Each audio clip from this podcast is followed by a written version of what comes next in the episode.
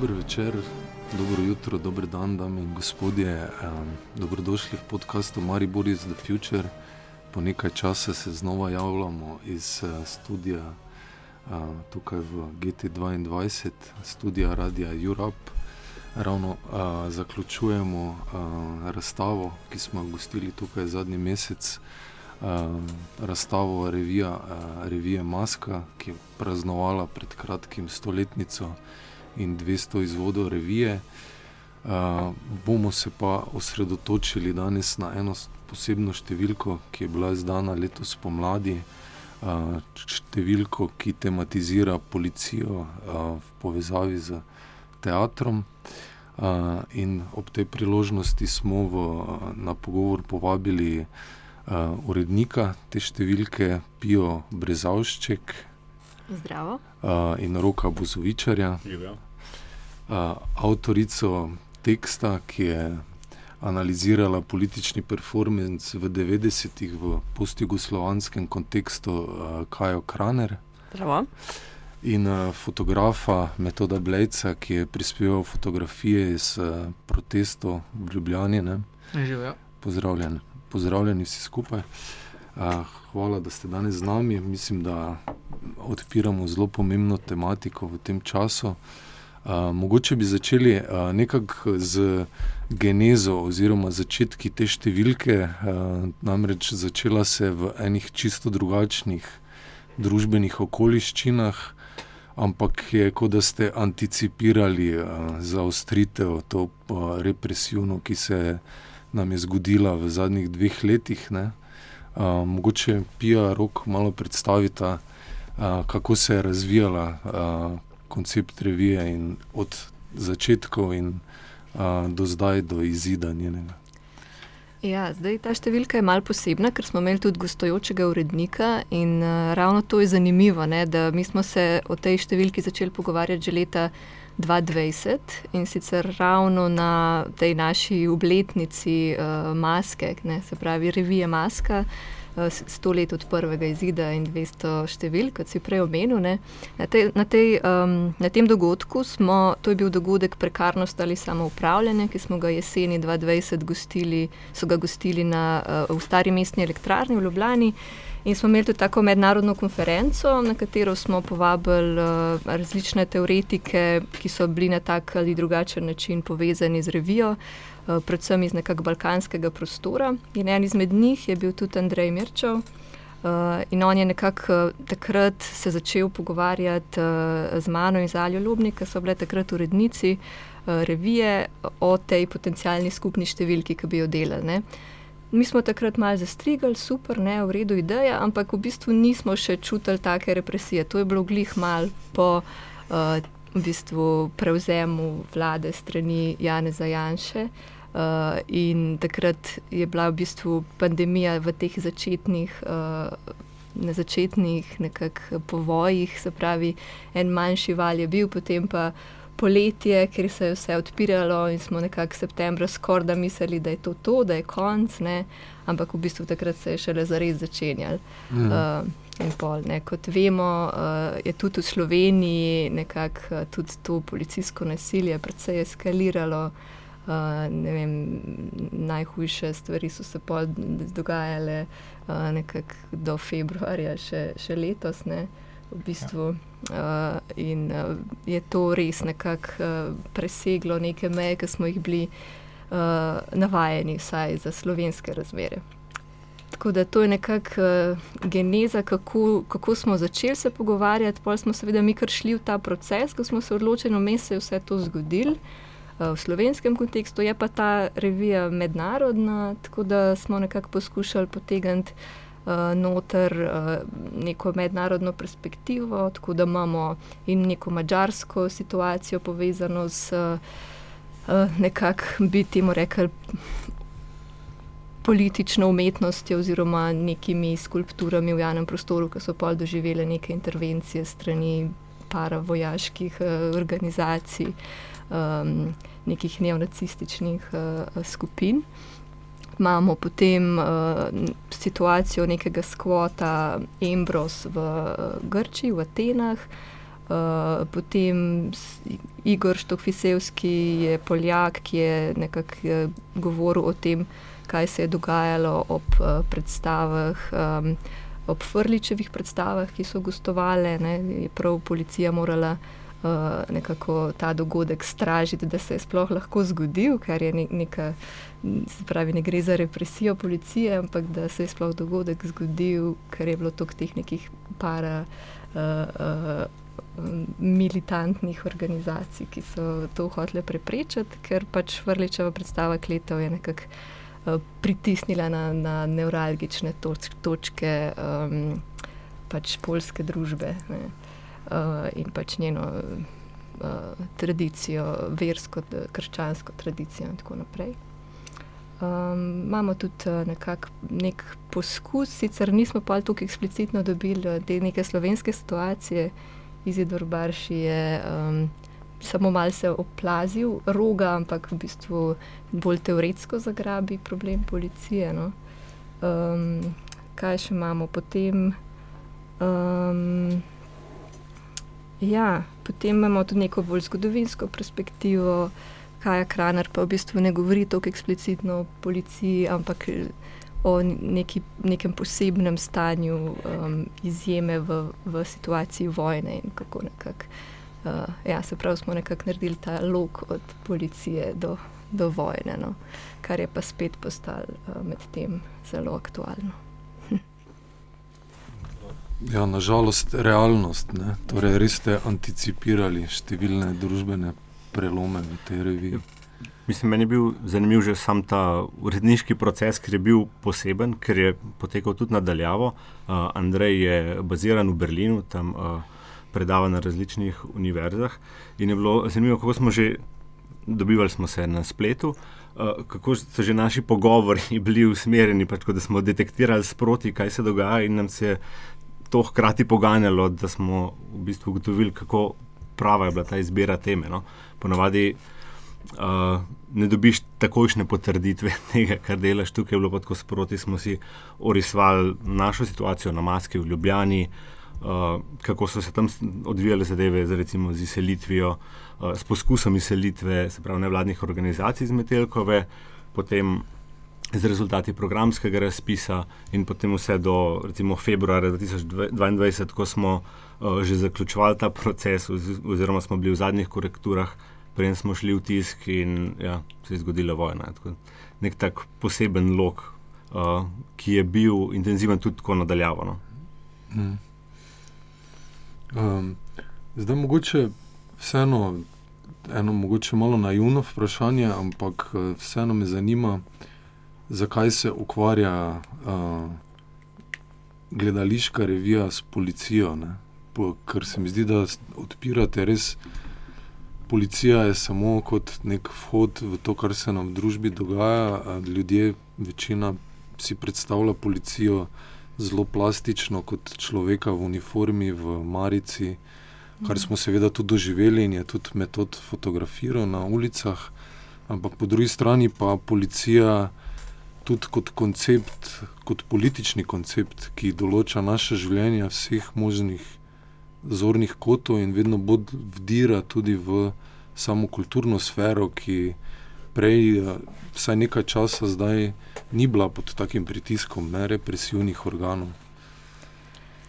Ja, zdaj uh, mislim, da je policija performativno zanimiva že zato, ker policija sama izvaja neko koreografijo v javnem prostoru ne, in s svojim gibanjem na nek način. Uh, regulira množice, ne, oziroma ta javni prostor nekako drži pod, pod ne, nekim nadzorom. Tako da v bistvu je že to nek, nek spektakel, ne, že to je nek teater mm. v resnici. Tako da iz tega vidika se nam je zdelo tudi že zanimivo vstopiti, ne, ker um, ne, nismo hoteli zdaj. Tako eksplicitno govoriti o policiji v teatru, ne, ne, ampak da je pač policija sama na nek način perfor, performance, performativna.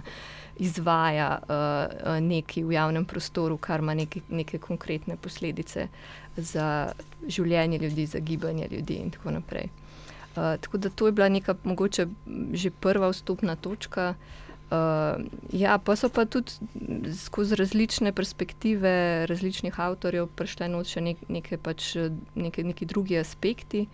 Um, ne vem, meni je ta intervju, ki ga je Andrej uh, Mirčev naredil z Andrej, Andrejem Lepekijem, uh, to je en um, v bistvu, teoretik uh, performansa iz uh, zdaj živi v Združenih državah, pa malo v Braziliji, ter sicer je iz eh, Portugalske. No, v glavnem, v tem intervjuju se mi zdi, da, da zelo dobro nekako um, pride, pride ven to, ta, ta nek naš namen uh, združitve, nekako teatra, koreografije, uh, performansa in policije na, na drugi strani. Uh, ker skozi nekako te dve poli se mi zdi, da lahko tudi na drugačen način uh, vidimo v bistvu ta, ta cel družbeni teater. No? um, v bistvu je zanimivo, no, prav ta pogled uh, performativnih teoretikov, teoretikov performansa uh, je zelo specifičen uh, in se mi zdi, da da neko novo perspektivo. Uh, temu, kaj je vem, policija kot represivni državni organ, ali pa ne vem, policija kot izvajalec reda in miru, ne, pač policija kot neka državna institucija. Um, tako da ne vem, uh, mogoče rok še kaj.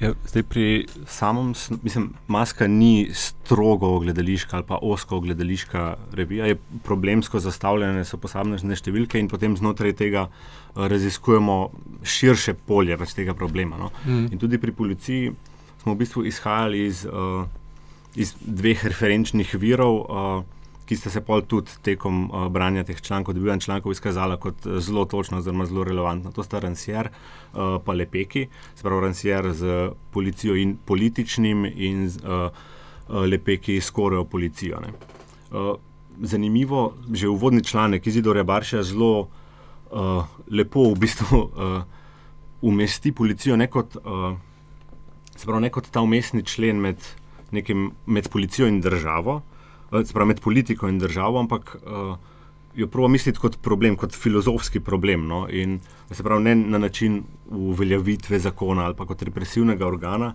ali pa fantazije, kot na primeru slovenske desnice prikazuje uh, in tudi levice, ampak uh, kot, uh, kot v bistvu neka funkcija, ki. Uh, ki jo skuša uh, v bistvu umestiti tudi v sam subjekt. No? Se pravi, ne kot neka zunanja represivna sila, ampak kot nek mehanizem regulacije ali pa postavite pred možnost izbire, on to imenuje kot možnost etične izbire v samem subjektu. No? Uh, zdaj, kar se tiče tudi gledališča. Se pravi, sam pojem koreopolicija, koreografiranje teles, možnost prehajanja, mobilnosti, gibanja, uh, kar je bilo relevantno tudi v, mislim, kar Lepeki vzpostavlja tudi v svojem uh, uh, članku kot nekaj, uh, kot izhodišče uh, političnega, se pravi, kako ima politika nadzor nad gibanjem in da je to osnovna uh, funkcija oziroma način subjektivacije. Uh, in je, uh, ja, tudi v samem teatru je pa ta način delanja vidnega, se pravi, kaj je možno izrekati, se pravi, nekega nadzora nad samim glasom, tudi, ki je v bistvu umeščeno v telo. Tako mhm. nekako smo. Eh, potem malo širše razmišljalo o policiji. Mhm. Mislim, meni se zdi, da je tu neka ta vstopna točka, tako čisto splošno, med nekimi ja, čisto družbenimi zadevami, ki so, niso osko vezane na področje umetnosti ali pa umetniških del, umetniških projektov in ja, neke širše politične teme, recimo družbena, pojem družbene koreografije. Ne? Skratka, to je, mislim, Hewittov, Andrew mhm. Hewittov pojem, ki pač gre tudi tako zelo, zelo zgodovinsko. Uh, Mislim, da je to bila knjiga, ki je išla vem, dve leti nazaj, družbena koreografija pri Maski v prevodu in res tako zgodovinsko prikaže, da je ta nek preplet med umetnostjo, teorijo in, in umetnosti in pač uh, real politiko pravzaprav že odvedno nekako poteka. In tu mi je bilo tudi zanimivo ta uh, članek uh, v tej številki tip hudodelca, ki pač pokaže recimo razvoj kriminološke znanosti. Uh, sporedno z ja, pač dra, dramskimi uh, besedili, na kak način je šlo ta nek preplet, skratka, da je kriminološka znanost črpala iz, iz nekih uh, ja, dramskih besedil. In, skratka, kriminološka znanost, ok, to je pač teorija, ampak potem posredno seveda vplivala tudi, uh, predvidevam, na delo policije na terenu. No? Mm. Skratka, ti prepleti so že odvedno nekako vzpostavljeni, no, po mojem. Mm. Sem pač zagrabiti jih je treba. Mm -hmm. In niso samo ne, um, dosti krat razmišljamo samo v za, proti, um, zelo na različnih ravneh se ti vidiki kažejo. Ne? Tako kot si rekla zdaj, dramatika je celo vplivala na kriminološko znanost ali pa recimo zgodaj, dogajajo se taki ironični obrati, da recimo policija more braniti uh, predstavo, ki na nek način tudi posredno kritizira represijo. Um, ena taka ironija se dogaja um, neprestano in to se mi zdi, da ste tudi zelo dobro zajeli skozi tekste. Um, kaj pa mogoče metod skozi fotografije, kako si ti, ti si prebral tekste, si vedel koncept podlago in si potem na podlagi tega iskal fotke ali ste jih zbirali glede na mm. vsebino? Mm, ne, jaz sem revijo videl zdaj. Ja, okay, okay. um, tako da ne, jaz Super. sem dokumentarist, ki, se, ki je reagiral na situacijo, ki se je dogajala v, v prostoru, večinoma po centru Ljubljana, ki, ki je bilo to prizorišče eh, tega teatra. Je pa zelo zanimivo, da se je praktično vsak, um, vsaka demonstracija zgodila na takem zelo preprostem um, gledališkem um, zapletu, vrhu in razpletu. Z takim zelo zanimivim antiklimaksom, ki se je pa vse nekaj zvodenil, in pa smo šli vsi domov in se sprašvali, kaj se je točno zgodilo. In, in čaka, ni mogoče. Um, ne vem, zakaj me še vedno srbijo roke od suzivca in tako naprej. Skratka, jaz, um, jaz sem v bistvu svoj arhiv um, predal Andreju in je on, uh, glede na svojo vsebino mhm. in vsebino um, revije oziroma člankov, uh, zbiral te, te fotografije. Je bilo pa prvo vprašanje, če imam, če imam tisto osnovno. Um, tisti osnovni protest, oziroma izselitev, um, centra Rok. Če imam dokumentacijo z tistega uh, dogodka, pa ga žal ne vem, kaj se je zgodilo ob šestih zjutraj, dejansko. Uh, takrat, ko večina fotografov uh, še mirno sanja. Ali pa vsaj jasno. um, ja, zdaj si omenil, no, pripeljal si nas v konkretnost, ne omenil si uh, izselitev centra Rok, ki mislim, da je tudi kot da je bila ena zgoščenina ravno tega, kar se pogovarjamo. Pa se mi, se mi zdi, da smo vsi na nek način malo tudi povezani, eni bolj, eni manj z samim centrom rok. Um, kako ste vi sredi procesa te revije spremljali to, ko, ko se je to dogajalo? Kako ste gledali na to? Ker to je tudi bil zelo dobro zrežiran performance represivnega organa, ne, ki je hotel neka, neki uh, ljudi, ki ne sodijo v njegov kontekst, ki ne podpirajo tega zelo premočrtnega, uh, dobičkonosne logike, enostavno zradirajo in vse druge zastrašijo, da ne bi si kdo podobno upal. Ne? Kako ste mogoče? Ja, mislim, glede na to, da mislim, jaz sem tudi uh, svoj čas dosta sodelovala pri živku skvocu in valjda smo to vsi zelo osebno jemali, uh, pač ta evikcija je bila sicer. Se mi zdi proces, ki je kot tudi Izidor Barši ne, v tej reviji omeni nekaj, kar je že nekaj časa se napovedovalo in je bila neka logična posledica mogoče. Mm, No, ne vem, mogoče lahko nekako obnovim njegovo tezo, ne, da uh mhm. -huh. je mm, v bistvu ta evikcija nekako blažje zapečatena leta 2014, ko so se zgodili neki notranji kleši v rogu.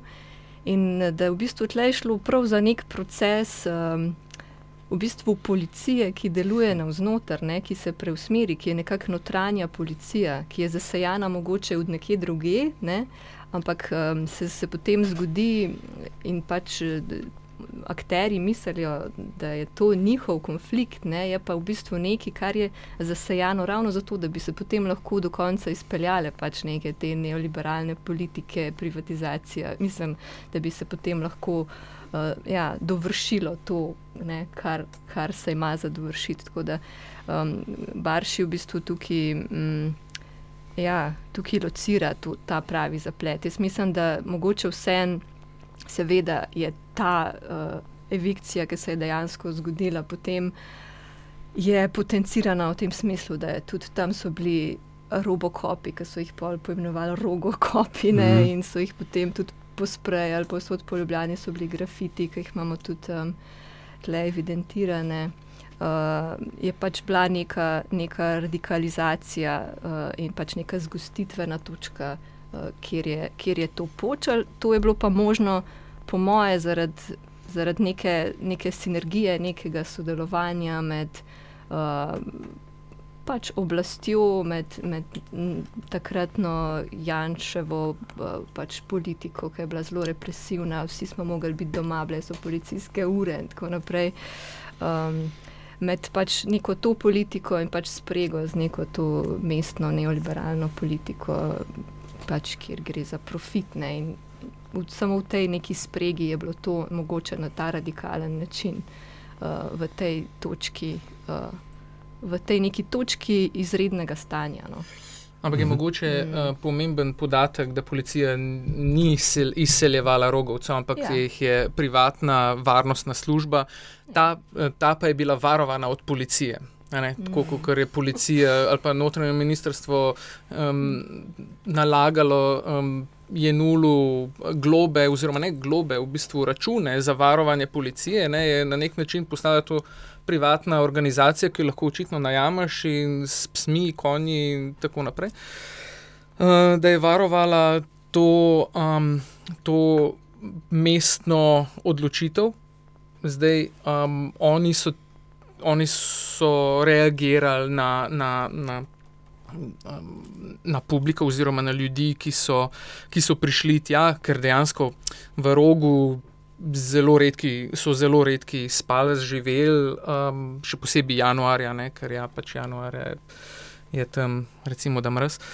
Uh, in je zadeva bila, so se ljudje začeli zbirati, ker ker so se mobilizirali in so klicali, hej, izseljujejo, nas spet nas izseljujejo. Ker uh, začel sem prvič jih hotel, je bilo to 2016 ali 2017? Mislim, da 2017. Mislim, da 2017 um, in takrat niso uspeli. Ne? In mislim, da je bil to povračilen udarc uh, in odlično s trenutno oziroma takratno uh, politično sprego, ki je to dovolila in je kar je. je, kar je.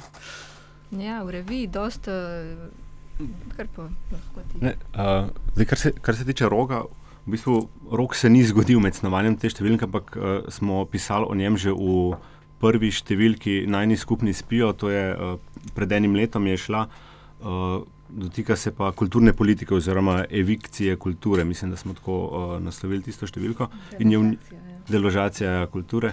In smo uh, v bistvu noter Urška Savič popisala uh, neko genealogijo, neko življenje roga, dosta natančno, tudi s pravnimi postopki in za neko izkušnjo uporabnice. Uh, tako da v bistvu ni. Rog ni prav zarezal v to številko zdaj, ampak mm. uh, je pa vplival na to, kako smo razmišljali tudi o policiji. Ja, to pa definitivno. Mislim, Rog je vsekakor tukaj bil en, en resen, kako bi rekel, um, povod, kako se je pol 2021 dejansko dogajal, zgodil. Uh, uh, skozi mesece in mesece, seveda najprej policijsko uro, ki smo jo takrat že ne tri mesece uh, imeli, pa pa še nadaljnih štiri ali koliko. Um, in, in sicer. Petkovi protesti so bili um, nasilni v smislu, da so bili instigirani strani policije, um, da so jih nosili iz Trga republike, da so jih zapirali, da so jih popisovali, oziroma da so nas popisovali. Um, ampak um, glavnina tega resnega nasilja, ne samo nad uh, protestniki, ampak nad meščani oziroma mimoidočimi se je, se je začel dogajati pol, po poletju uh, lani, tako da 2021, kar, kar pa je pol potegnilo za sabo, vemo, kaj vse ne. Mm. ne. Kot da bi bil to nek, nek katalist, ki je, je napovedal eno, eno, eno politiko, kaj bojo, kaj, kaj, kako bomo, uh, če se bomo deležni v, v prihodnje. Mm. Jaz tudi mislim, ja, da vsi, mislim, rok, pa tudi neke številne druge, druge uh, intervencije na kulturnem področju, se tudi na številnih drugih, ampak recimo, da to malo bolj poznam, so bile že predvsej časa prej v teku, ampak zdaj slučajno so bile uh, take okoliščine, skratka kombinacija prejšnje koalicije in um, pandemije, da pač bilo marsikaj možno izvesti. Uh, ampak seveda je se začelo pa že marsikaj. Mislim, no. bilo je upravičljivo. Ja, to delamo zaradi tega, ker vem, varujemo ljudi. Seveda smo razumeli, v čem gre, ampak um, vsak izgovor um, je boljši kot to, da enostavno policaj udar nekoga zaradi tega, kar mu ne paše. Mm. Jaz sem mogoče sem hotel še navezati um, na v bistvu to, kar si prej govoril, ne, to neko bližino policije in potem nekih ne, varnostnikov, nekih ne, ne, uh, uh, ne tako zelo uradnih državnih uh, uh, instanc. Ne. Tako skozi celo revijo je v bistvu neka rdeča nit, uh, tudi v vseh državah se to pojavlja, da je to res uh, prav, recimo na, na mačarskem, pa eskalira, ne, da v bistvu policaji. Uh, sodelujejo s temi nekimi neonacističnimi milicami, uh, v tem smislu, da ne reagirajo, ko v bistvu bi morali. Vse je napovedano, kaj se bo zgodilo, oni so celo fizično tam, ampak ne posežejo v to. Da, recimo, pač te skrajneži se znašajo nad neko skulpturo, ki je um, skulptura, uh, nekak, ki se navezuje na uh, uh, na, na, na Black Lives Matter ali pa na LGBT uh, skupnosti, ki jo mestna oblast nekako postavi tam, ne, ki je bolj liberalna v, v, na mačarskem, kot vemo. In je v bistvu to neko tako tiho sodelovanje um, in v bistvu taka spolska meja uh, med tem, ne, kako je v bistvu policija.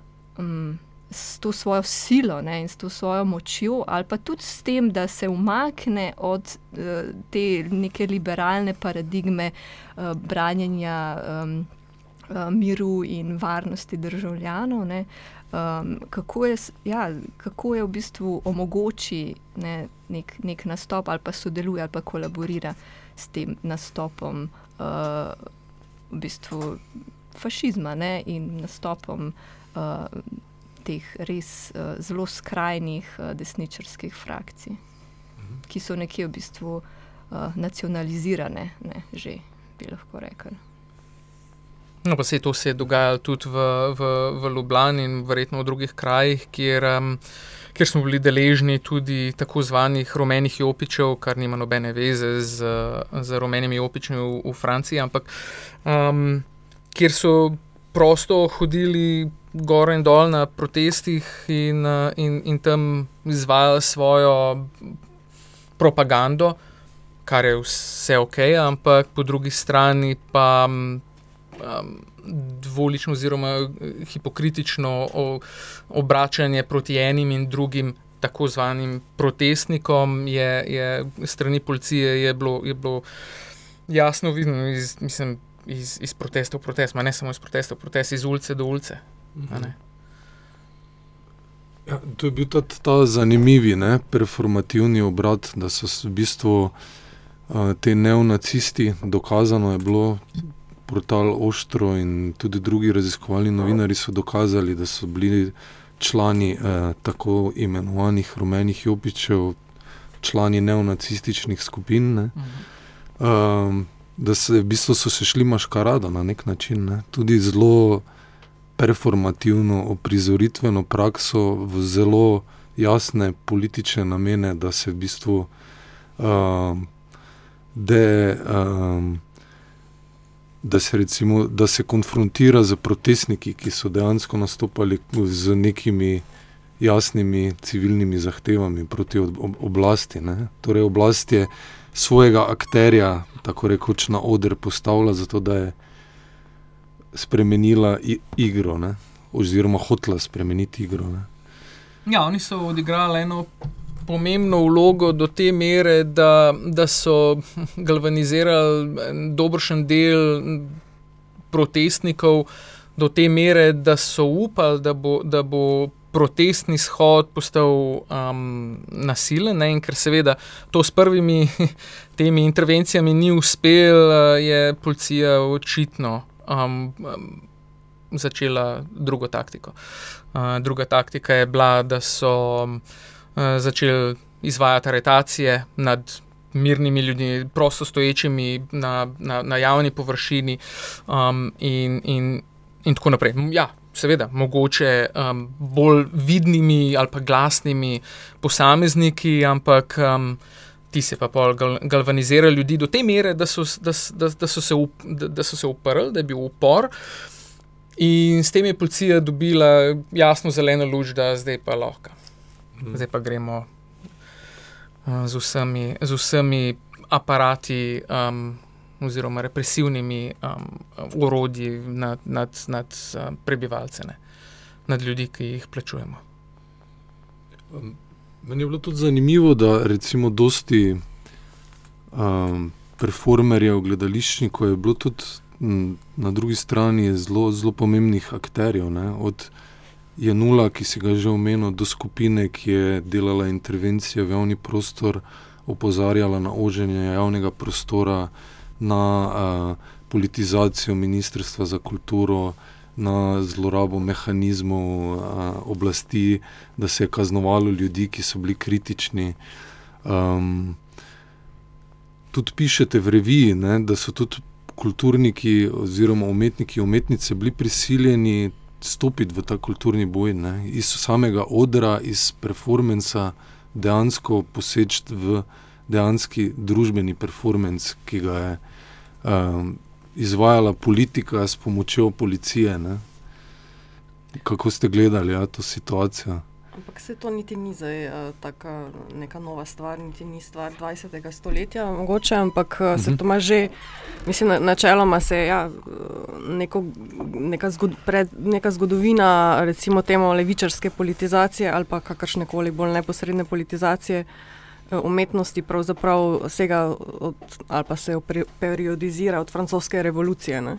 In hmm. takrat si imel pač uh, uh, ja, neko to uh, uh, odločitev umetnikov, ki so pač delali umetnost, ne vem, bili slikari, karkoli že, da pač se zdaj usmerijo v, v javni prostor in so potem pač za, za čas nekih. Uh, ja, izjemne situacije, pač prenehali z delanjem umetnosti, kot so jo pač uh, prej delali, ker uh, nekako ni, ni bilo najbolj smiselno. Imáš recimo specifično v, v, v primeru francoske revolucije ravno uh, recimo, ja, prenehanje delovanja na področju vizualnih umetnosti in uh, v bistvu koreografiranje uh, javnih dogodkov uh, v, v času uh, pač in na tak način tudi sodelovanje. Uh, Uh, da, ja, to se v bistvu vse od takratnega, skratka, nekega formativnega obdobja uh, modernega pojma umetnosti pač dogaja v nekih takih izjemnih uh, okoliščinah, bodi si so to revolucionarne, pro, neki dlje časa trajajoči protesti ali kakorkoli. Tako da pač to je bilo tudi. Uh, Ena od, uh, eno od takih primerov, hkrati pa tudi sami protesti. Um, to so tudi neke številne analize uh, protesti kot taki, skratka, ne, um, ne izključno neposredno, uh, kakorkoli prepleteni z umetniško sfero, um, sploh neke kritične, kritična branja protestov v okviru, v okviru nekih novih družbenih gibanj od, od recimo 90-ih, govorijo o neki teatralizaciji protestov. Ne? Uh, o nekem vključevanju. Um, Artivizmu. Ja, o ar artivizmu. O, mm. Ja, da v bistvu protest, protesti sami v bistvu, uh, prevzemajo neke, neke uh, uh, lahko, ja, gledališke metode, neke uprizoritvene metode. Saj to je praktično primarna funkcija umetnosti, da je kritična, prvo. In šele mm. potem vse ostalo, kar mi danes razumemo, ne, lepa, ja, ja. Um, um, um, komercialna in tako naprej. Ja, samo, ampak stop, neposreden stop v javni prostor je pač ena od opcij. Ni, ni, ni pogost, ampak v teh kritičnih trenutkih eh, je ključen. Zdaj, če umetniki ne bi stopili na, na javni prostor, jaz mislim, da 105 tednov se protesti ne bi dogajali. Uh, ja. to, je, to, to je sigurno. Mislim, če, če ne bi bilo pe, peščica ljudi, pa tukaj govorimo o par deset, mogoče manj uh, ljudi, ki so, ki so bili gonilna sina, sila za tem in to, so, to je oblast videla in vedela, da ne bojo odnehali. In so temu primerno uporabljali represivne um, ukrepe.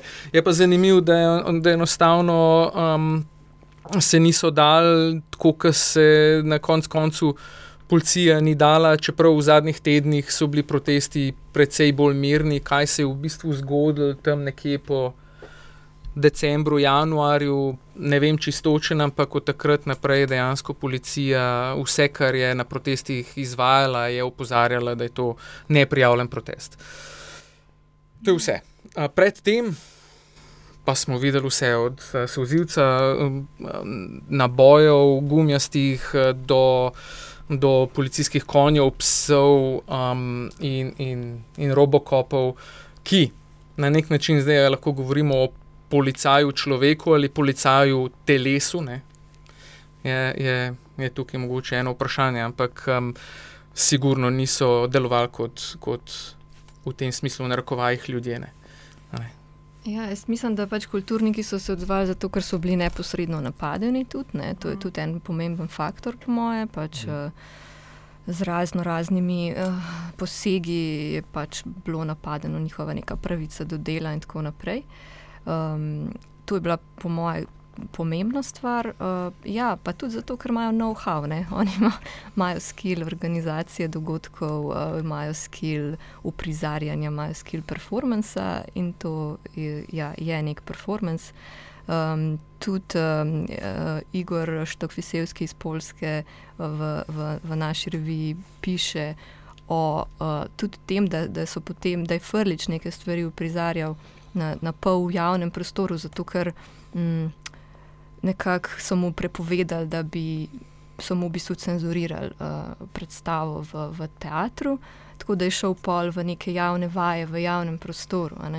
In v bistvu uh, je zanimivo, Zdaj, kaj, kaj je ta javna sfera danes, kaj, kaj, kaj je to, aj to, aj to teater, ker tle v bistvu je res problem, ker na nek način gre za tle. tle Bi težko rekel, da je teater javna sfera, vsaj te, te neki, ne vem, levičarski teatri, ne, uh, mogoče meščanski teater, tudi še manj. Ne, um, so v bistvu eni taki, taki, taki, taki babli, ne, taki zaprti prostori z zaključeno publiko, ki na nek način ve, kaj pride gledati in uh, ti pač uprizarjaš nekaj in ne pripričuješ in ne prepričaš, ampak na nek način so to prepričani ljudje, ki so ne, prišli v teater. In tudi to je ta, ta paradoks, recimo, pri pr, pr Frliču na Polskem, ne, ker je v bistvu policija prišla braniti ta bubble ne, um, pred to zunanjostjo, pred resnično recimo, neko konfrontacijo uh, politično, ne, da je lahko to se odvilo. Uh, hkrati je pa dobila predstava sama nek meta level s tem, da so pač policaji tam stali na, na vsaki strani uh, in pred vhodom in tako naprej. Uh, Eh, tako da vprašanje, kje je zdaj ta resnični teater javne sfere, kje, kje, kje sploh je ne? Uh, v teatru, vprašanje. Na ulici, tudi vprašanje, po mojem mnenju. No? Pa tudi uh, se mi zdi, da, mislim, seveda. Smo videli zdaj ene zelo brutalne stvari, pa seveda neke spopade, in, ampak lahko samo temu rečemo politika. Ne? Jaz mislim, da to je policija, to je pač tisto, o čemer bi Rancier rekel policija. Ne?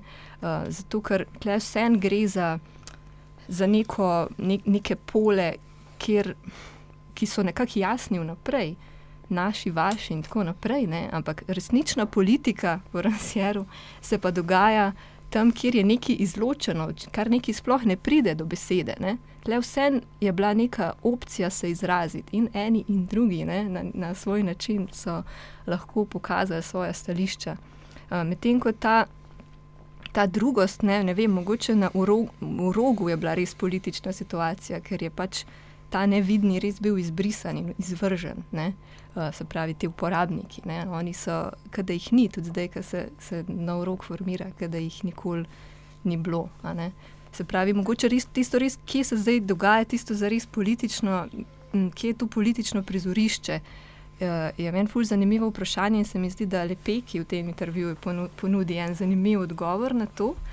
In sicer on ima tezo, da, uh, da se v bistvu ta, ta neka, kako uh, on temu reče, koreopolicija uh, ne odvija več na ravni skeletno-fizične, se pravi, telesne prisotnosti, ampak da se v resnici dogaja na neki psihosomatski ravni, da v bistvu resnični kontrol je to, ne, da imamo mi telefone in smo sledljivi, in da, da smo na družabnih omrežjih, ki pač na nek način določujejo naše. Pač na, naše akcije, naše razmišljanje, ne, in tako naprej. In da, da v bistvu se, ta, da se predstavlja ta, ta neka, nek nadzor pa, ne, na to neko psihosomatsko raven iz te dejanske, konkretne fizične eh, regulacije telesu, prostoru in tako naprej. Tako da, ja, mogoče to so mi fulj zanimive perspektive, ki so se odprle um, skozi to številko. Tudi, no. mm. Mm. Vsekakor, ja. Um, se to je bilo tudi moje vprašanje. Recimo, zdi se, da, da je fulj lažje se upirati ali pa postavljati nasproti neki il, iliberalni, tako imenovani opciji. Ampak, ko se ta opcija zgine, oziroma ko oblast prevzame liberalna ali neoliberalna opcija, pa se kot da se to razprši, kot da ne znamo, ne vemo, kako se ravno proti temu upirati, temu psihosomatskemu. Kot da um, zmanjka tega, ali ne vem, energije, motivacije ali tega, tega, kar nas povezuje, da bi bili vem, vsaki petek 105 tednov na ulici, ker na nek način proti temu ta protest niti nima učinka. Tako da zdaj se mi zdi vprašanje, kako kak zdaj naprej, ko se vseeno za to številko, vi ste res je fully zanimiva. Da, ko je išla, pa ko se zdaj pogovarjamo, se je pred enim tednom formirala nova vlada, ki pa ne vemo, kaj bo prinesla v tem pogledu. Ne? kjer mogoče celo pozdravljamo, kar smo pri prejšnji uh, kritizirali, ne? neko kadrovsko čistko, ki se zdaj dela z upravičenjem za to, da se čisti tisto, kar je bilo prej. Ne? Samo ne vemo, kaj bo pa ta nova prinesla. Ne? Ja, to je vsekakor ja, če se bo uh, samo z neke druge pozicije počelo isto, je vsekakor ja, problematično. Uh, in to, to se mi zdi tudi, ja, da je tudi uh, v praksi razmislek o neki politi, politiki umetnosti dost, uh, um, well, zredu, zreduciran, zelo vnaprej, uh, na podlagi vnaprejšnje. Um, Percepcije, kaj zdaj točno bi naj politična umetnost bila. Uh, sploh pa ja, uh, ravno to zelo je reagira na, na neke provokacije ali pa na neke. Uh, to pomeni, da pač ima že vnaprej določeno, deloč, določeno pot, pravzaprav, uh, kar pač je precejšnja redukcija. Hmm. Ti si glih ja, analizirala, a ja, pardon, pardon, ja, kar, ti si analizirala ravno 90-ta, ker se mi zdi, da se je ta obrat tudi zgodil ne, iz enega političnega sistema v drugega. Kako je to takrat izgledalo, politični performance, kako vlogo je imel v teh res burnih časih? V... Mislim, jaz sem ravno, ja, ravno iz, iz tega uh, stališča poskušala na to pogledati. Skratka, moj članek temelji na uh, razstavi, ki je bila lansko leto uh, na ogled v v Muzeju sodobne umetnosti Metelkova in je pač gre za nek rezultat daljšega raziskovalnega projekta in se ja, torej osredotoča na nek pregled performativnih praks iz vseh držav bivše Jugoslavije. In pač tudi naslov je politični performance, tudi, tudi naslov je zelo neposredno, mislim, da ima reagira, je z klicaj, uh, upor. upor. Skratka, poskušali, ja, gre za neko, neko primarno um, umetnost, umetnostno, zgodovinsko, arhivski. Uh, Uh, arhivsko razstavo, ki pa si je potem pač posku, seveda tudi poskušala zadati premisliti, kaj je zdaj bil uh, točno politični performance v tistem obdobju. Tudi smiselno je potem uh, so zadeve, ne vem, tudi v katalogu, ki je zelo obsežen, uh, pač razdeljene po nekih, mislim, smiselno, ja, do neke mere, po nacionalnih kontekstih, ki so bili v 90-ih pač zelo specifični. Um, ja, in, in pač naslov razstave in tudi potem. Uh, sama razstava in besedila so se mi zdela, da pač imajo zelo, zelo neko jasno uh, podobo tega, kaj, kaj, poli, kaj bi naj bilo politično. Um, in se pač članek sem nekako napisala ravno iz tega, ker se mi je zdelo, da nek vidik uh, ni nagovorjen ali pa ni. Um, ja, pa ravno, ravno v tej uh, naprejšnji podobi tega, kaj, kaj bi naj bil politični performance je nekako marginaliziran ali pa ne, manj, manj viden. No? Mm. Da se v tem smislu sem tudi uh, zastavila članek. Uh, ja. Tudi v končni fazi, v neki, v neki um, komunikaciji, z, nekim, z neko politizacijo, ki je, po moje, se zdaj počasi začne kazati za, za neko mlajšo produkcijo. No? Uh, in ki, ki je precej daleč od, od uh, neke te aktivistične, aktivistične pozicije in se zelo pogosto uh, ravno zaradi tega uh, percipira kot apolitična. Ampak mislim, da gre pač ja, za, vsaj do neke mere za poskus. Uh, Izstopiti iz tega nekega vnaprej določenega anti, antagonističnega polja. No? Hmm. To je nekako. Ti si mislil nekaj dodati, pija? Um, ne, ampak uh, ne vem, mogoče ja, je to tudi ena taka rdeča nit. Mislim, se, v številki se veliko govori o tem antagonizmu, pa o tem polju nekih nasproti, ne, da je to v bistvu neko pravo politično polje, ampak so potem tudi te neke, neke druge opcije, opcija izstopa, eksodusa, ustavitve, ne gibanja, ne performansa, ne, da je tudi to lahko v bistvu politično dejanje v nekih določenih kontekstih. In to se mi zdi zelo zanimivo. Ja, in pač se mi zdi prav razmišljati o političnem, kako je rekla, kaj je na ta nek širši način, ki ne, ne določuje. In ne omejuje političnega, samo pač na neko neposredno konfrontacijo nekih agonističnih, nasprotnih polov. Um, tako da to, mislim, da revija tudi poskuša nekako um, uh, nekako v spredje prenesno. Ker ne, ta antagonizem, ne, to je v bistvu nekaj, kjer vsi.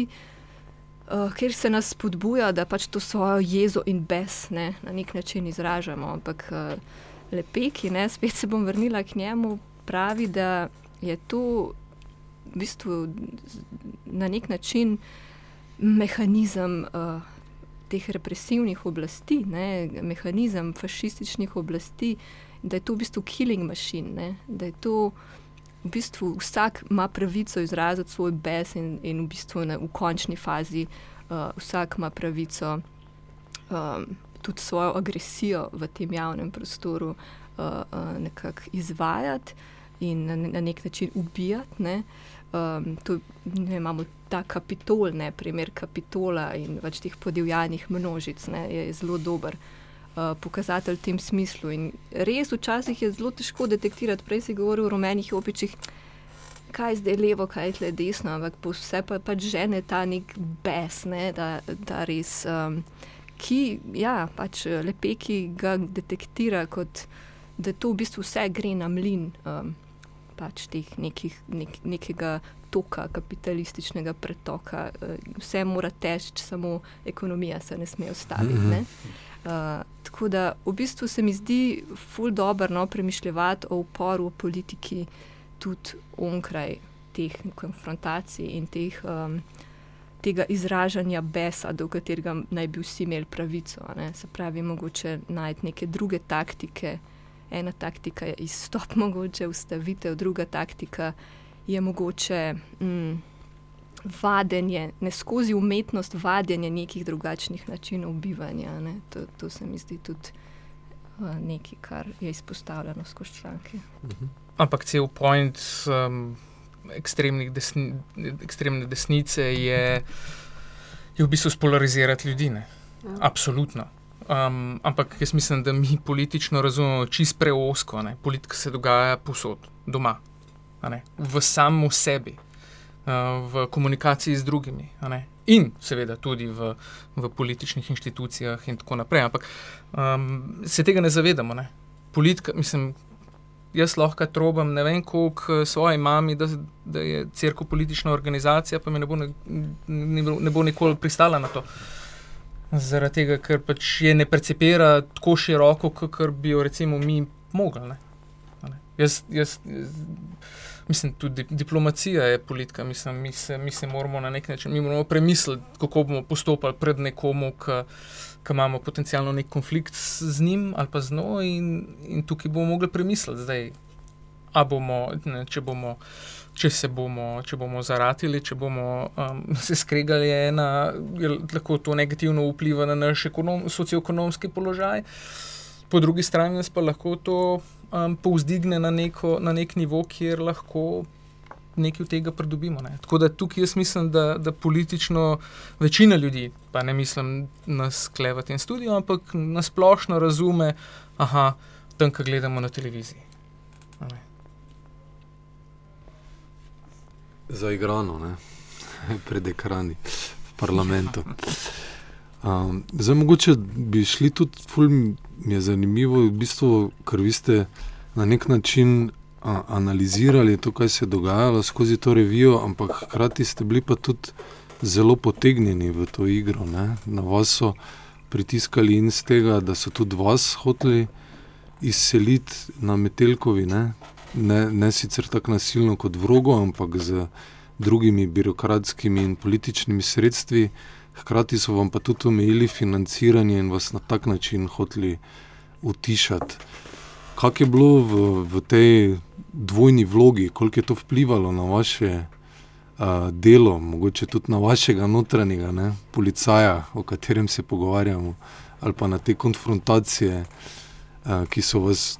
Recimo na nek način vam hkrati tudi kratle, verjetno to distanco, ki je potrebna za tako analizo. Ne? ja, urednika se uh, izogiba. Ja, se težko vprašanje. Se, ja, ja, no, mislim, to je res, da se je vse to nekako med tem dogajalo. Ampak mislim, da imamo mi nekako to srečo v nesreči, da se nam ni treba samo samimi sabo ukvarjati, ker je to vse neka revija, ki želi ki je pač dvojezična, mednarodna in tudi imeli smo več perspektiv iz različnih držav, in na nek način nam je to tudi dajalo neke širše kontekste. In jaz raz, mislim, da smo zato tudi lahko drugače razumeli neko lastno situacijo, ki je res na neki točki se zdela pač brezizhodna. Mi smo menjali vodstvo in pač po tistem trenutku smo doživeli napad za napadom v tem smislu naš, naše neke kontinuitete. Ne? Nismo vedeli, kako bomo nadaljevali nekaj, kar je bila zgodba, ki se odvija od leta. Uh, Kuk že 93, ali kako že, ne? maska obstaja. Ne? In maska v bistvu je vedno bila v teh uh, financiranih, ne, programskih, in uh, pač imamo glomazne programe, imamo in produkcijo, imamo revijo, imamo knjižno produkcijo. Um, in nekako imamo kar nekaj ljudi, uh, ki večinsko to počnejo. Tako da seveda smo se počutili napadene. Uh, tudi ta Metelkova je kar zanimiva zgodba. No. Tako, tako neposredno mislim, da še v slovenski zgodovini, uh, zgodovini samostojne Slovenije, ni bilo no, takih napadov. Um, zdaj smo, mislim, težko je na nek način delati, če čutiš ta pritisk sovraštva na svojem hrbtu, pa pač zmerjani smo uh, za parazite in tako naprej. In, um, v tem smislu to ni prijetno. Ampak ja, uh, hkrati pa nismo sami bili v tej situaciji. Um, pač je to bilo tako očitno. Uh, politična situacija, da se mi zdi, da so se tudi zgodile neke združitve teh bojev, pa mogoče se je ta cela scena malo bolj začela pogovarjati, pa po, povezala v tem preko tega skupnega sovražnika, ki je zdaj postal zelo ekspliciten. Um, tako da, ja, nekako smo šli čez to zelo prekerno, ne zelo v tem smislu, um, z neko težo, ampak se mi zdi, da vse. Ja, prav zaradi te neke zgodovine, uh, zavoda Maska in pač cele te neke uh, umetniške scene in uh, pač preteklosti teh civilnih gibanj in tako naprej, ki so na Metelkovi skoncentrirane, da m, mislim, da smo vsem verjeli v to, da je to neka močna sila, ki lahko nekako svajta to. Ja, uh. Hkrati se mi pa zdi, da v bistvu cela situacija ni tako nova. No. Mislim, da nevladna scena je že tako utrjena v tej neki permanentni krizi, uh, da je tudi malo postala apatična do neke mere. No. Mislim, apatična v smislu, da je ne prizadene več tok uh, uh, nek ukrep ali pa neko dejanje. In da lovi ravnoteže med tem, da bi bilo to hromeče, da bi jo ohromilo v tem smislu, ali pa da bi uh, šla v takošno reakcionarnost. Mislim, da je neka nek balans med tem, se pravi, da mm. te totalno ohromi ali pa da uh, se zapališ za vsako priložnost, ki ti je ponujena, pač, ki je tam zato, tega, da se ti strošiš pač na njej. da si odgrizneš prste. Ja, ja, ja. uh, zanimiva je tudi ta povezava z neko samomorilnostjo pri, uh, pri lepekju. Ne, se pravi, ta mašina, ki mora biti skozi v pogonu, v bistvu na koncu pripelje v, v, v samomor. No. Mislim, da se treba uh, ustaviti, pravi, v neko upočasnjevanje iti uh, in uh, na mesto nekega, neke reakcionarnosti. Uh, Neko, neko osmišljeno delovanje. No? Mislim, meni je bila zelo dobrodošla tudi ta uh, perspektiva Andreja, recimo iz Twine. Pač da, da smo imeli uh, v bistvu neko skupno polje, v katerem smo se našli, ampak da smo ga lahko razširili ne samo na interno uh, um, interno, lokalno, slovensko, osebno, ampak da je v bistvu smo detektirali, detektirali podobne stvari, ampak v različnih kontekstih. No. Mm. Ker smo se res, uh, se mi zdi, prav v času pandemije uh, tako zaprli, tudi sami vase. No? Da je vse postalo malo klaustrofobično, pa se ukvarja samo s to neko lokalno politično situacijo, hkrati. Um, tako da se mi zdi, da ja, je to bil fajn aspekt neke nek, nekega eksodusa, no, da razširitve perspektive. In kaj ste ugotovili, kam v tem kontekstu Slovenija sodi? To nikakor ni zgolj naša lokalna, nacionalna posebnost, ampak je del nekega hmm. širše zaostritve in pospešitve, hkrati propadanja sistema, hkrati pa borbe ne, za oblast, ki se, se vedno bolj. Hmm pospešuje. Ja, nikakor ni samo lokalna. to je neka periferija mitel Evrope. ja, to so po mojem taki zelo, zelo, uh, ne vem, tudi. Vem, lepeki, ki je v Braziliji, ima pač dosti izkušenj, piše o nekih zelo podobnih zgodbah, ki jih na mačarskem uh, vidimo, pa tudi pri nas. Um, tako da to so neki, neki globalni, globalna gibanja, uh, gibanja ja, niti ne ustavitve in pospeševanja, um, ki ne vem, kam točno vodijo, ampak mislim, da uh, na koncu tunela ni nič lepega. Je, v bistvu, na koncu tunela je vlak. Ja, tako žiže, ja. reče. Luč je na koncu tunela, ampak vlak, ki nas proti vozi. Ne. Ne, ampak zanimivo je, da si rekel, da je mitl Evropa. Um, torej, vseeno smo iz tega jugoslovanskega konteksta, ki ga tudi dosti omenjate v reviji, pa analizirate, se vseeno pristavili bolj v ta uh, srednji evropski kontekst, ne samo politično, ampak tudi v tem smislu, v, v smer mačarske, polske, češke, ni več ta prostor naš, ki je bil pred 90-im. Mislim, da v Jugoslaviji piše predvsem Kaja. uh, vem, ja, mislim, dobro, se to, zdaj, kam se pozicioniraš, ali pa zakaj točno se kam pozicioniraš v določenem obdobju, to je pač dosti kompleksno. Ampak ja, mislim, um, v primeru, mislim, jaz vseeno. Um, Pač ja, pišemo razstavi, ki je bila v, v naši osrednji nacionalni instituciji za moderno in sodobno umetnost, ki je imela zelo, pač, vsaj v, pod okriljem prejšnje direktorice, zelo dost fokus na po eni strani ja, bivši jugoslovanski prostor, po drugi strani na, na vzhodnoevropski prostor, ampak to je bilo pač povezano uh, ja, z njeno uh, razstavno-zbirateljsko politiko in je bila tudi neka čisto. Um, Taktično pozicioniranje, no, ki je izhajalo uh -huh. iz specifičnega konteksta 90-ih, kjer pač skratka imaš um, kaj, združitev uh, Evrope ali kakorkoli že, uh, in pač ta nek, nek sforsiran medkulturni uh, dialog, da imamo se zdaj. Uh, um, ja, pogovarjati in pa pač uh, deliti uh, izkušnje, umetnost, karkoli že.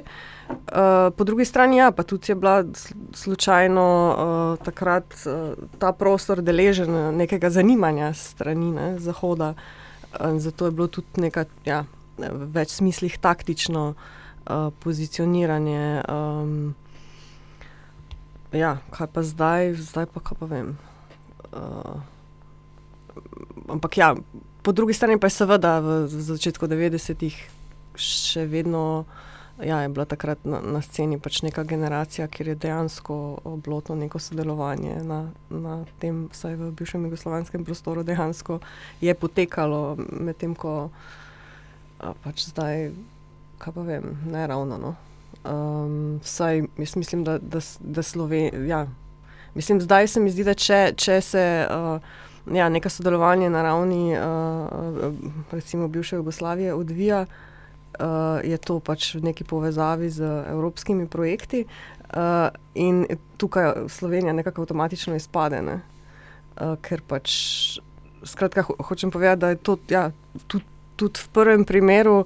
Je to pozicioniranje vedno malo povezano z neko širšo politiko, kulturno politiko, skratka, na kak način se te pozicioniran in kaj se zdaj ti s tem počneš, uh, tudi z nekim taktiziranjem.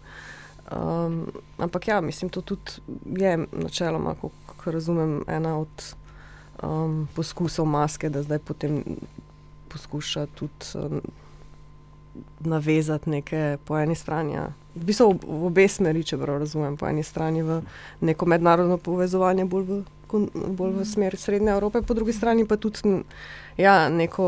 Um, neke vezi uh, z balkanskim prostorom, kar pač je do neke mere smiselno, da nek so podobne, podobne zgodovine in podobne okoliščine, politične ali pa kulturno-politične. Ne. Ja, zdaj za to konkretno številko, ki je res bolj mitel evropejša, zato ker uh, ja, ne na zadnje pač smo delali z, z Mirčevim, ki je situiran v Berlinu. In uh, tudi uh, zanimivo je, da veliko uh, piscev prihaja na nek način iz nekih berlinskih. Uh, akademskih kontekstov, ampak hkrati, če pogledamo po prijimkih, je samo en Nemec, mm. ker je v bistvu to tudi postala taka neka osrednja migracijska točka. Um, Pač točka ekonomske migracije, uh, tako da sploh v nekih ja, teh intelektualnih, akademskih kontekstih uh, je na nek način Nemčija dosta odprta v tem smislu, da je še zmeraj za ston študij, veliko je nekih uh, pozicij na neki, na neki točki karijere, ki se pa spet zaprejo. Sicer. Ampak je to tudi recimo, nek razlog, zakaj smo nekako dobili uh, bolj te neke srednjo, srednje evropske uh, perspektive. Um, se mi zdi, da vse so nekako dost mednarodne, ampak vse je, ja, je to, to neka specifična pozicija. Bi si želeli mogoče še bolj mednarodno odpreti, pa iti tudi ven iz Evrope, ne? ker uh, se mi zdi, da Evropa res ni več center sveta. No? uh, kar se pa tiče Jugoslavije, uh, je pa to nek naš dolgoročni projekt, da, da se spet mal. Uh, orientiramo na Jugoslavijo, ampak ne kot neko nostalgijo, pač neke skupne države, ampak mogoče bolj kot neko, pač neko utopično, uh, futuristično, uh, neko, neko novo alijanso želimo splesti. Uh, V bistvu z neko novo generacijo, ki, ni, ki v bistvu niti ni zares nikoli živela v tej skupni državi, mogoče kot neka alijansa med, med neko, ja, nekimi perifernimi pozicijami, ki pa vse imajo veliko skupnega zaradi skupne preteklosti, ampak hkrati um, tudi zaradi tega, kako gledajo na, na center iz periferije, no? Tudi v teh novih kontekstih, ne samo v kontekstih vezanih na, na skupno preteklost. Mhm. Ja, super, se že veselimo ne? prihodnjega branja. Mogoče um, preden zaključimo, še samo povete, kje ljudje lahko dobijo revijo in si jo preberejo, ki jo toplo priporočam v branje. Ja, masko lahko naročite na spletni strani. Maska.si. Ja, je tudi v kakšnih knjigarnah, no še vedno. Uh, v Mariboru mislim, da ni naročena, uh, knjigarna nima naročene, ampak uh, v knjižnicah tudi še vedno, uh -huh. uh, nekaterih, no, v konzorciju knjiž, največjih teh knjižnicah je. No. Ampak najlažje pa pridete prek spletne strani, najbolj direktno dobite domov. okay, um, hvala vsem za to zelo uh, zanimivo debato in v, po, uh, v poglede številne skozi revijo. Srečno še naprej. Um. Hvala za vabilo. Hvala za vabilo.